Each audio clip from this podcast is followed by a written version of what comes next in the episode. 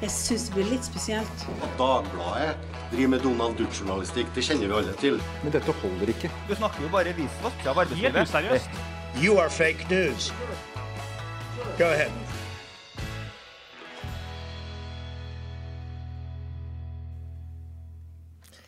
Velkommen til enda en, eh, en podkast om det dramatiske regjeringsbruddet som skjedde denne uken. Og nå skal vi spørre de kloke hoder jeg har samlet rundt meg.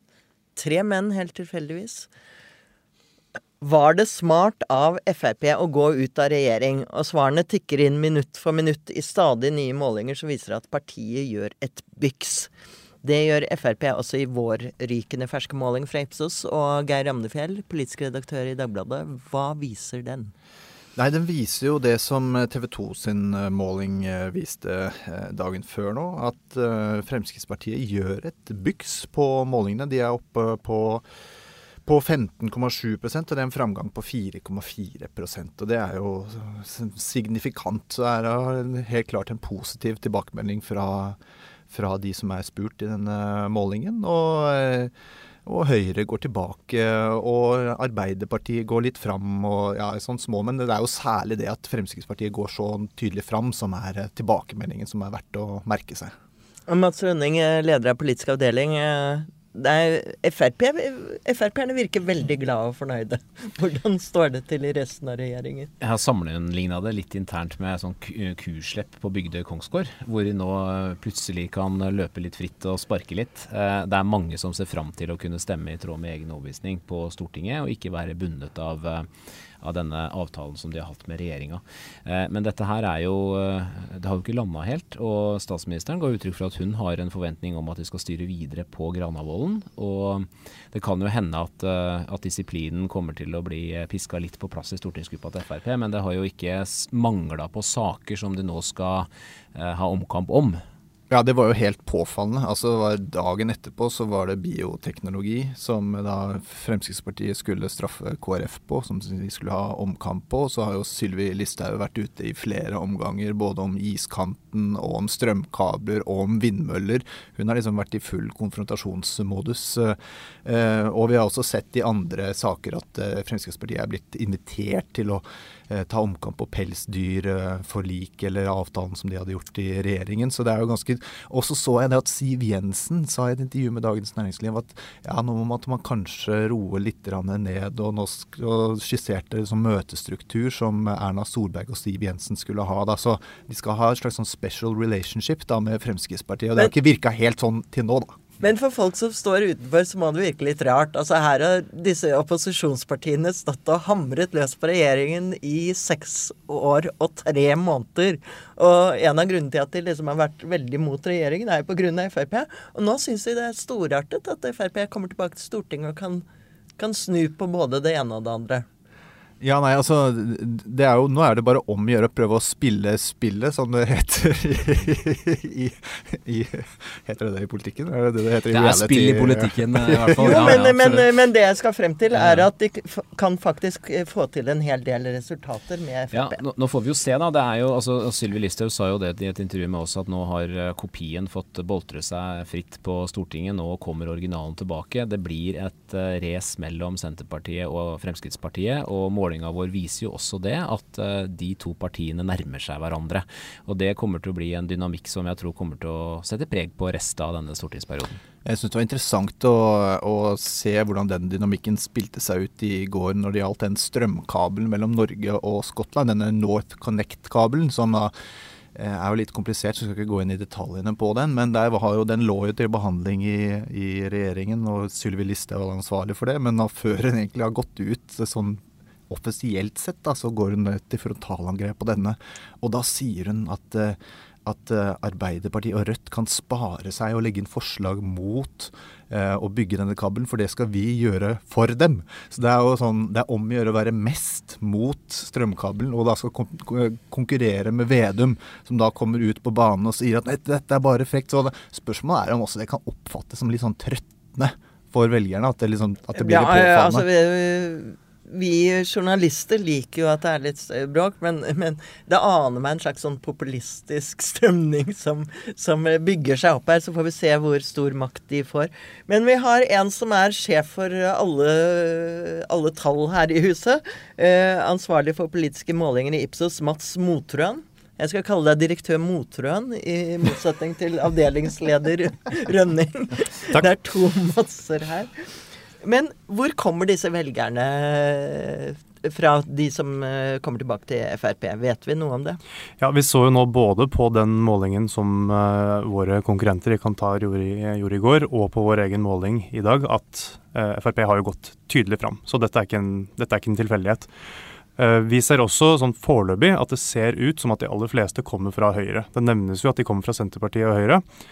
Men hvis vi ser på hva hva de tidligere stemte, så var de i større grad høyere enn en Senterpartiet.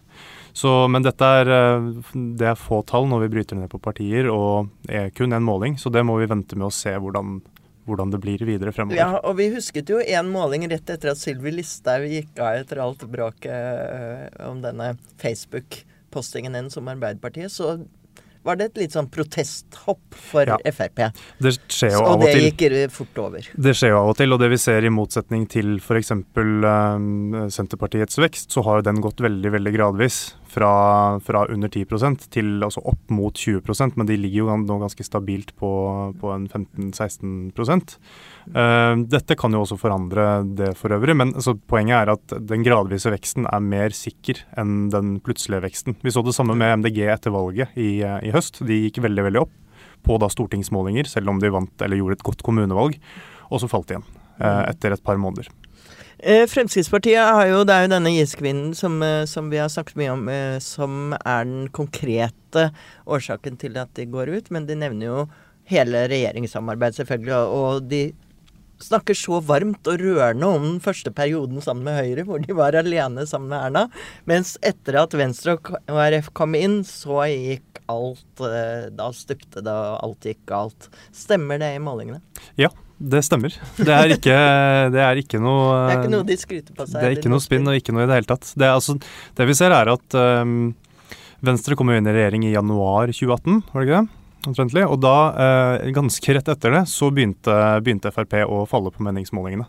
Uh, og de, uh, de, gikk da fra å ligge sånn rundt 15% i snitt, 15-14 til uh, 11-12% ned på 10 også.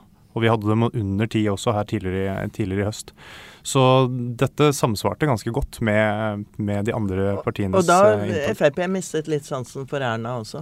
Ja, uh, det er også en, et interessant trekk. For altså, Én ting er at målinger kan være noe usikre, men vi ser jo en relativt jevn trend med at Frp gikk nedover. Men samtidig så ser vi også det at vi stiller et spørsmål med denne målingen hver måned om hvor god jobb syns du Erna Solberg gjør.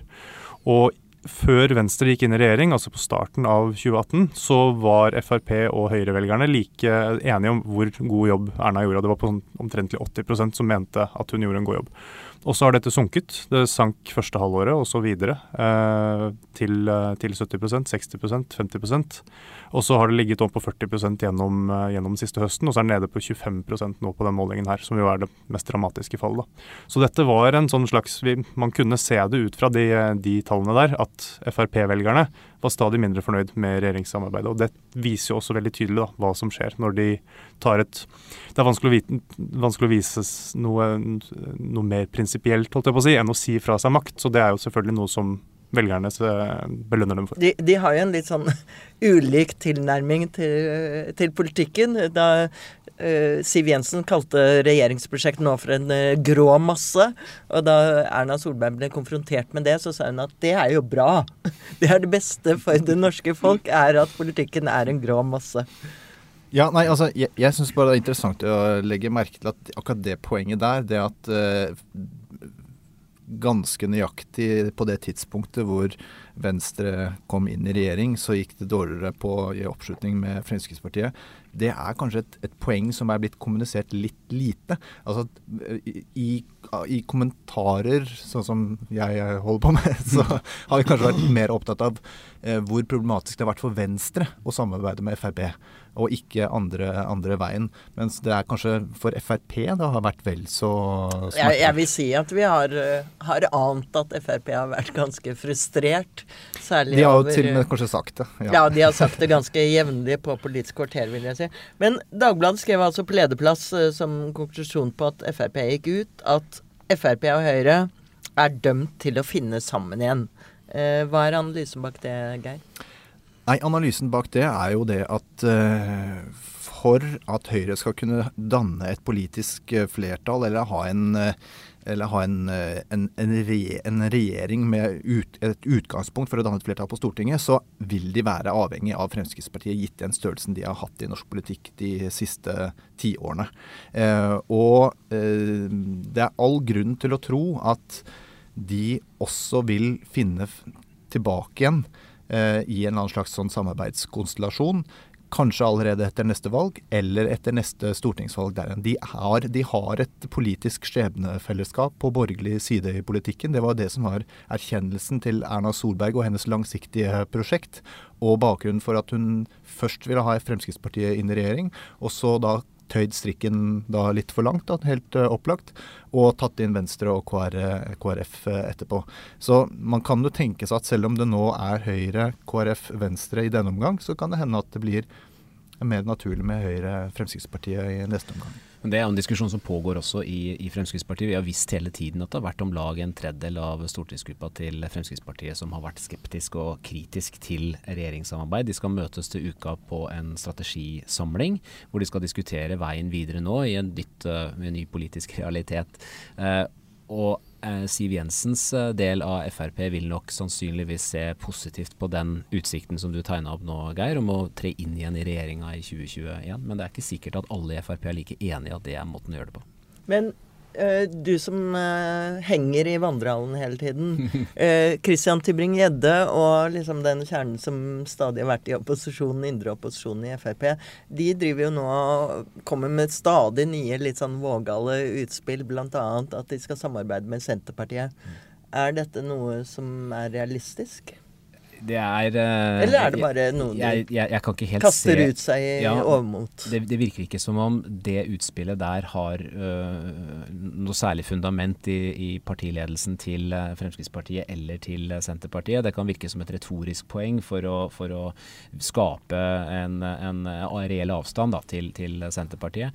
Men, men vi vet jo også at det er stemmer i Senterpartiet som er skal vi si, mellomfornøyd med den profilen som partiet, i hvert fall utad, har antatt under uh, Vedum.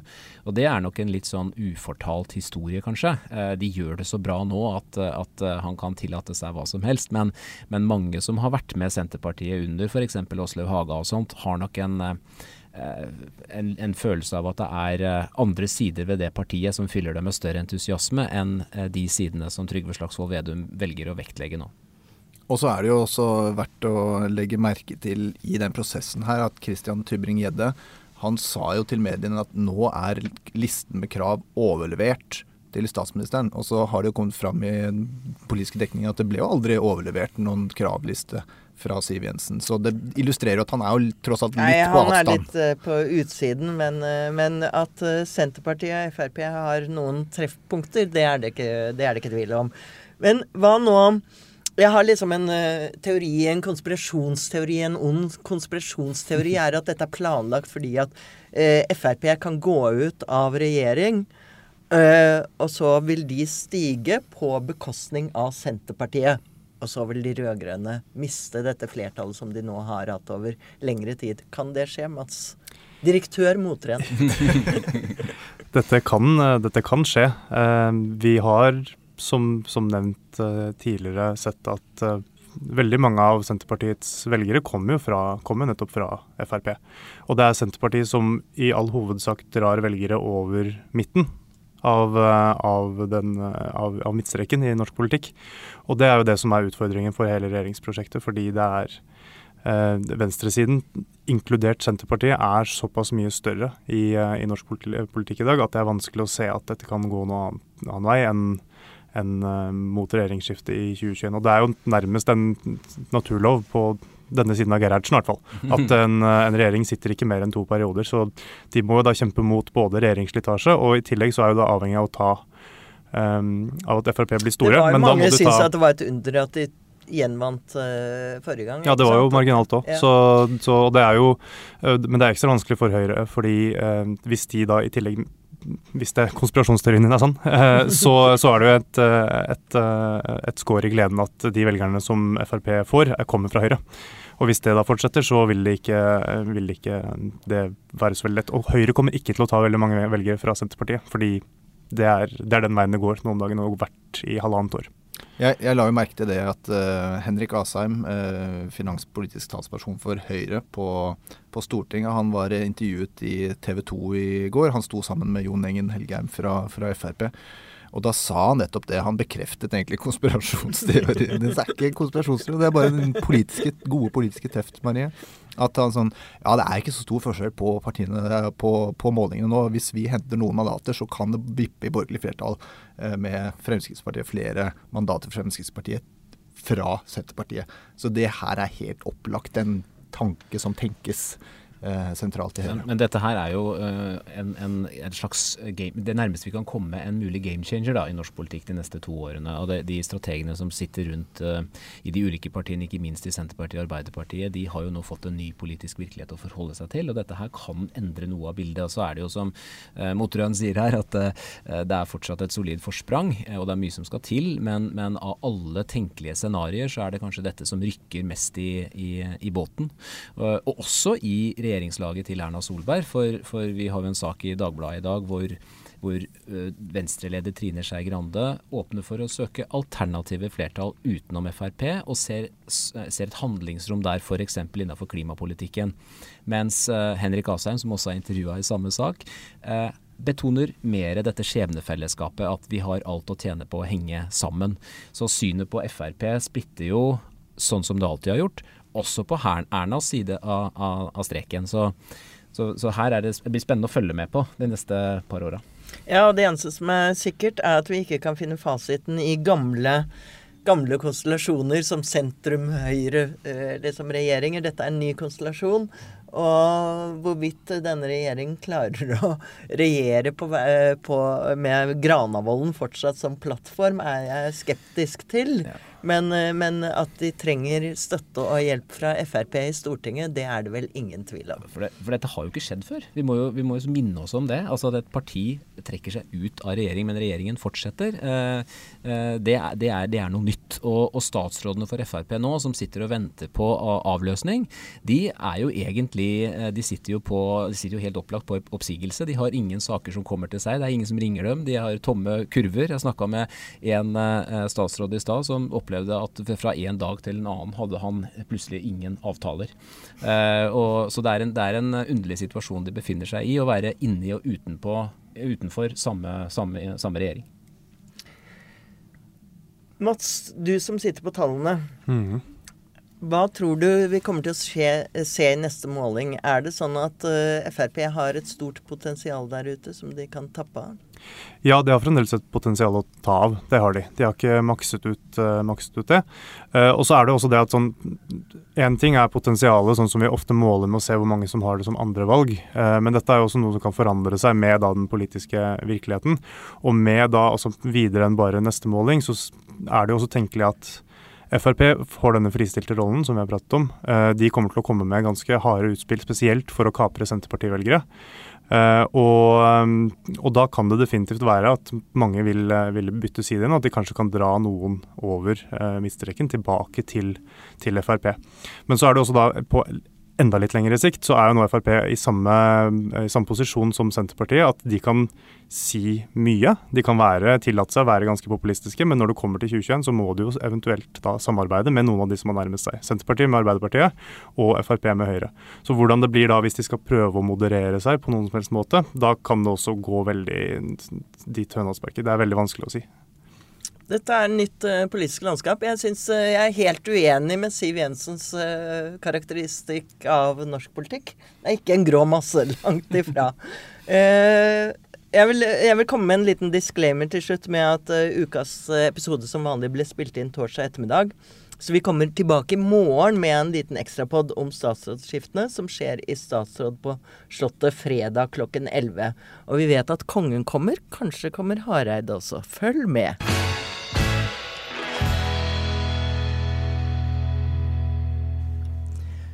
For nesten to år siden så hentet Siv Jensen inn Tor Mikkel Wara, sin uh, gamle partifelle, uh, utenfra for å kanskje bøte på noe av denne grå massen. Han er jo en frittalende finnmarking som var regnet som veldig dyktig. Han ble justisminister, og skulle da også rydde opp i problemet Eh, Frp hadde med at de hadde utskiftet eh, den ene justisministeren etter den andre, og mange hadde tro på han. Men slik gikk det ikke. Som mange husker, ble jo samboeren hans siktet for å ha fingert et angrep på justisministerens eh, bolig.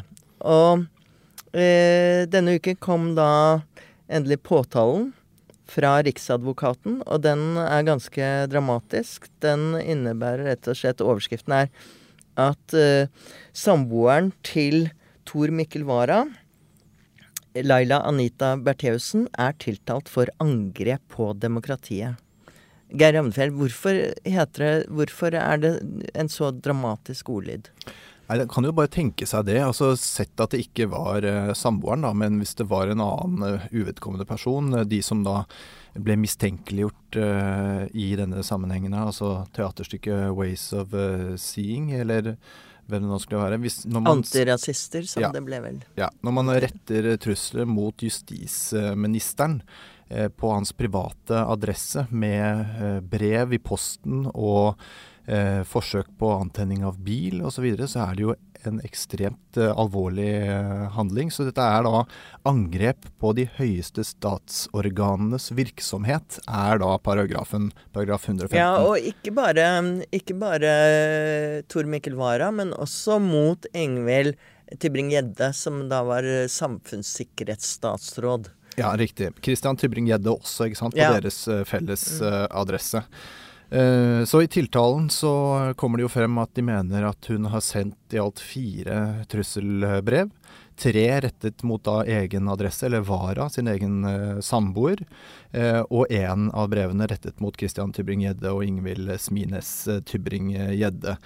og vi har jo publisert detaljene i påtalen, for det er jo offentlig. Og ja. det er ganske, ganske frisk ordlyd i de brevene. Veldig. Det er jo sendt uh, da trusselbrev både til Tybring-Gjeddes uh, hjem og til, uh, og til Vara og Bertheussen. Og det består av det klippet ut, så vidt vi vet. Altså klippet ut sånne bokstaver. Og det Bertheussen har jo da fått en av landets eh, fremste forsvarsadvokater, Jon Christian Elden, som vi alle kjenner til. Og han eh, går ut og er ganske eh, avviser dette på det sterkeste ved å si at nei, de har ingenting, de er bare indisier. Og Bertheussen gleder seg til å, at rettssaken skal begynne. Men etter det Dagbladet forstår, så mener ikke, er ikke statsadvokaten helt enig i denne vurderingen som Elden har. De mener at bevisene har vært krystallklare, og at det aldri har vært noen tvil. Nei, så derfor er det jo ikke noen grunn for, uh, for Bertheussen til å glede seg til dette til, uh, til høsten. og dette er jo en veldig alvorlig, alvorlig, sak, og man kan jo liksom kalle det en tragedie, eller hva man skal, hva man skal kalle det. Men er jo, det er jo veldig viktig at, det, at, vi kommer til bunns i dette, at dette her blir parkert, og at dette får en grundig behandling i rettssystemet, sånn at det får en legitimitet og en avslutning, sånn at dette her eh, blir en sak som det ikke stilles noen spørsmålstegn ved i, i, uh, i etterkant.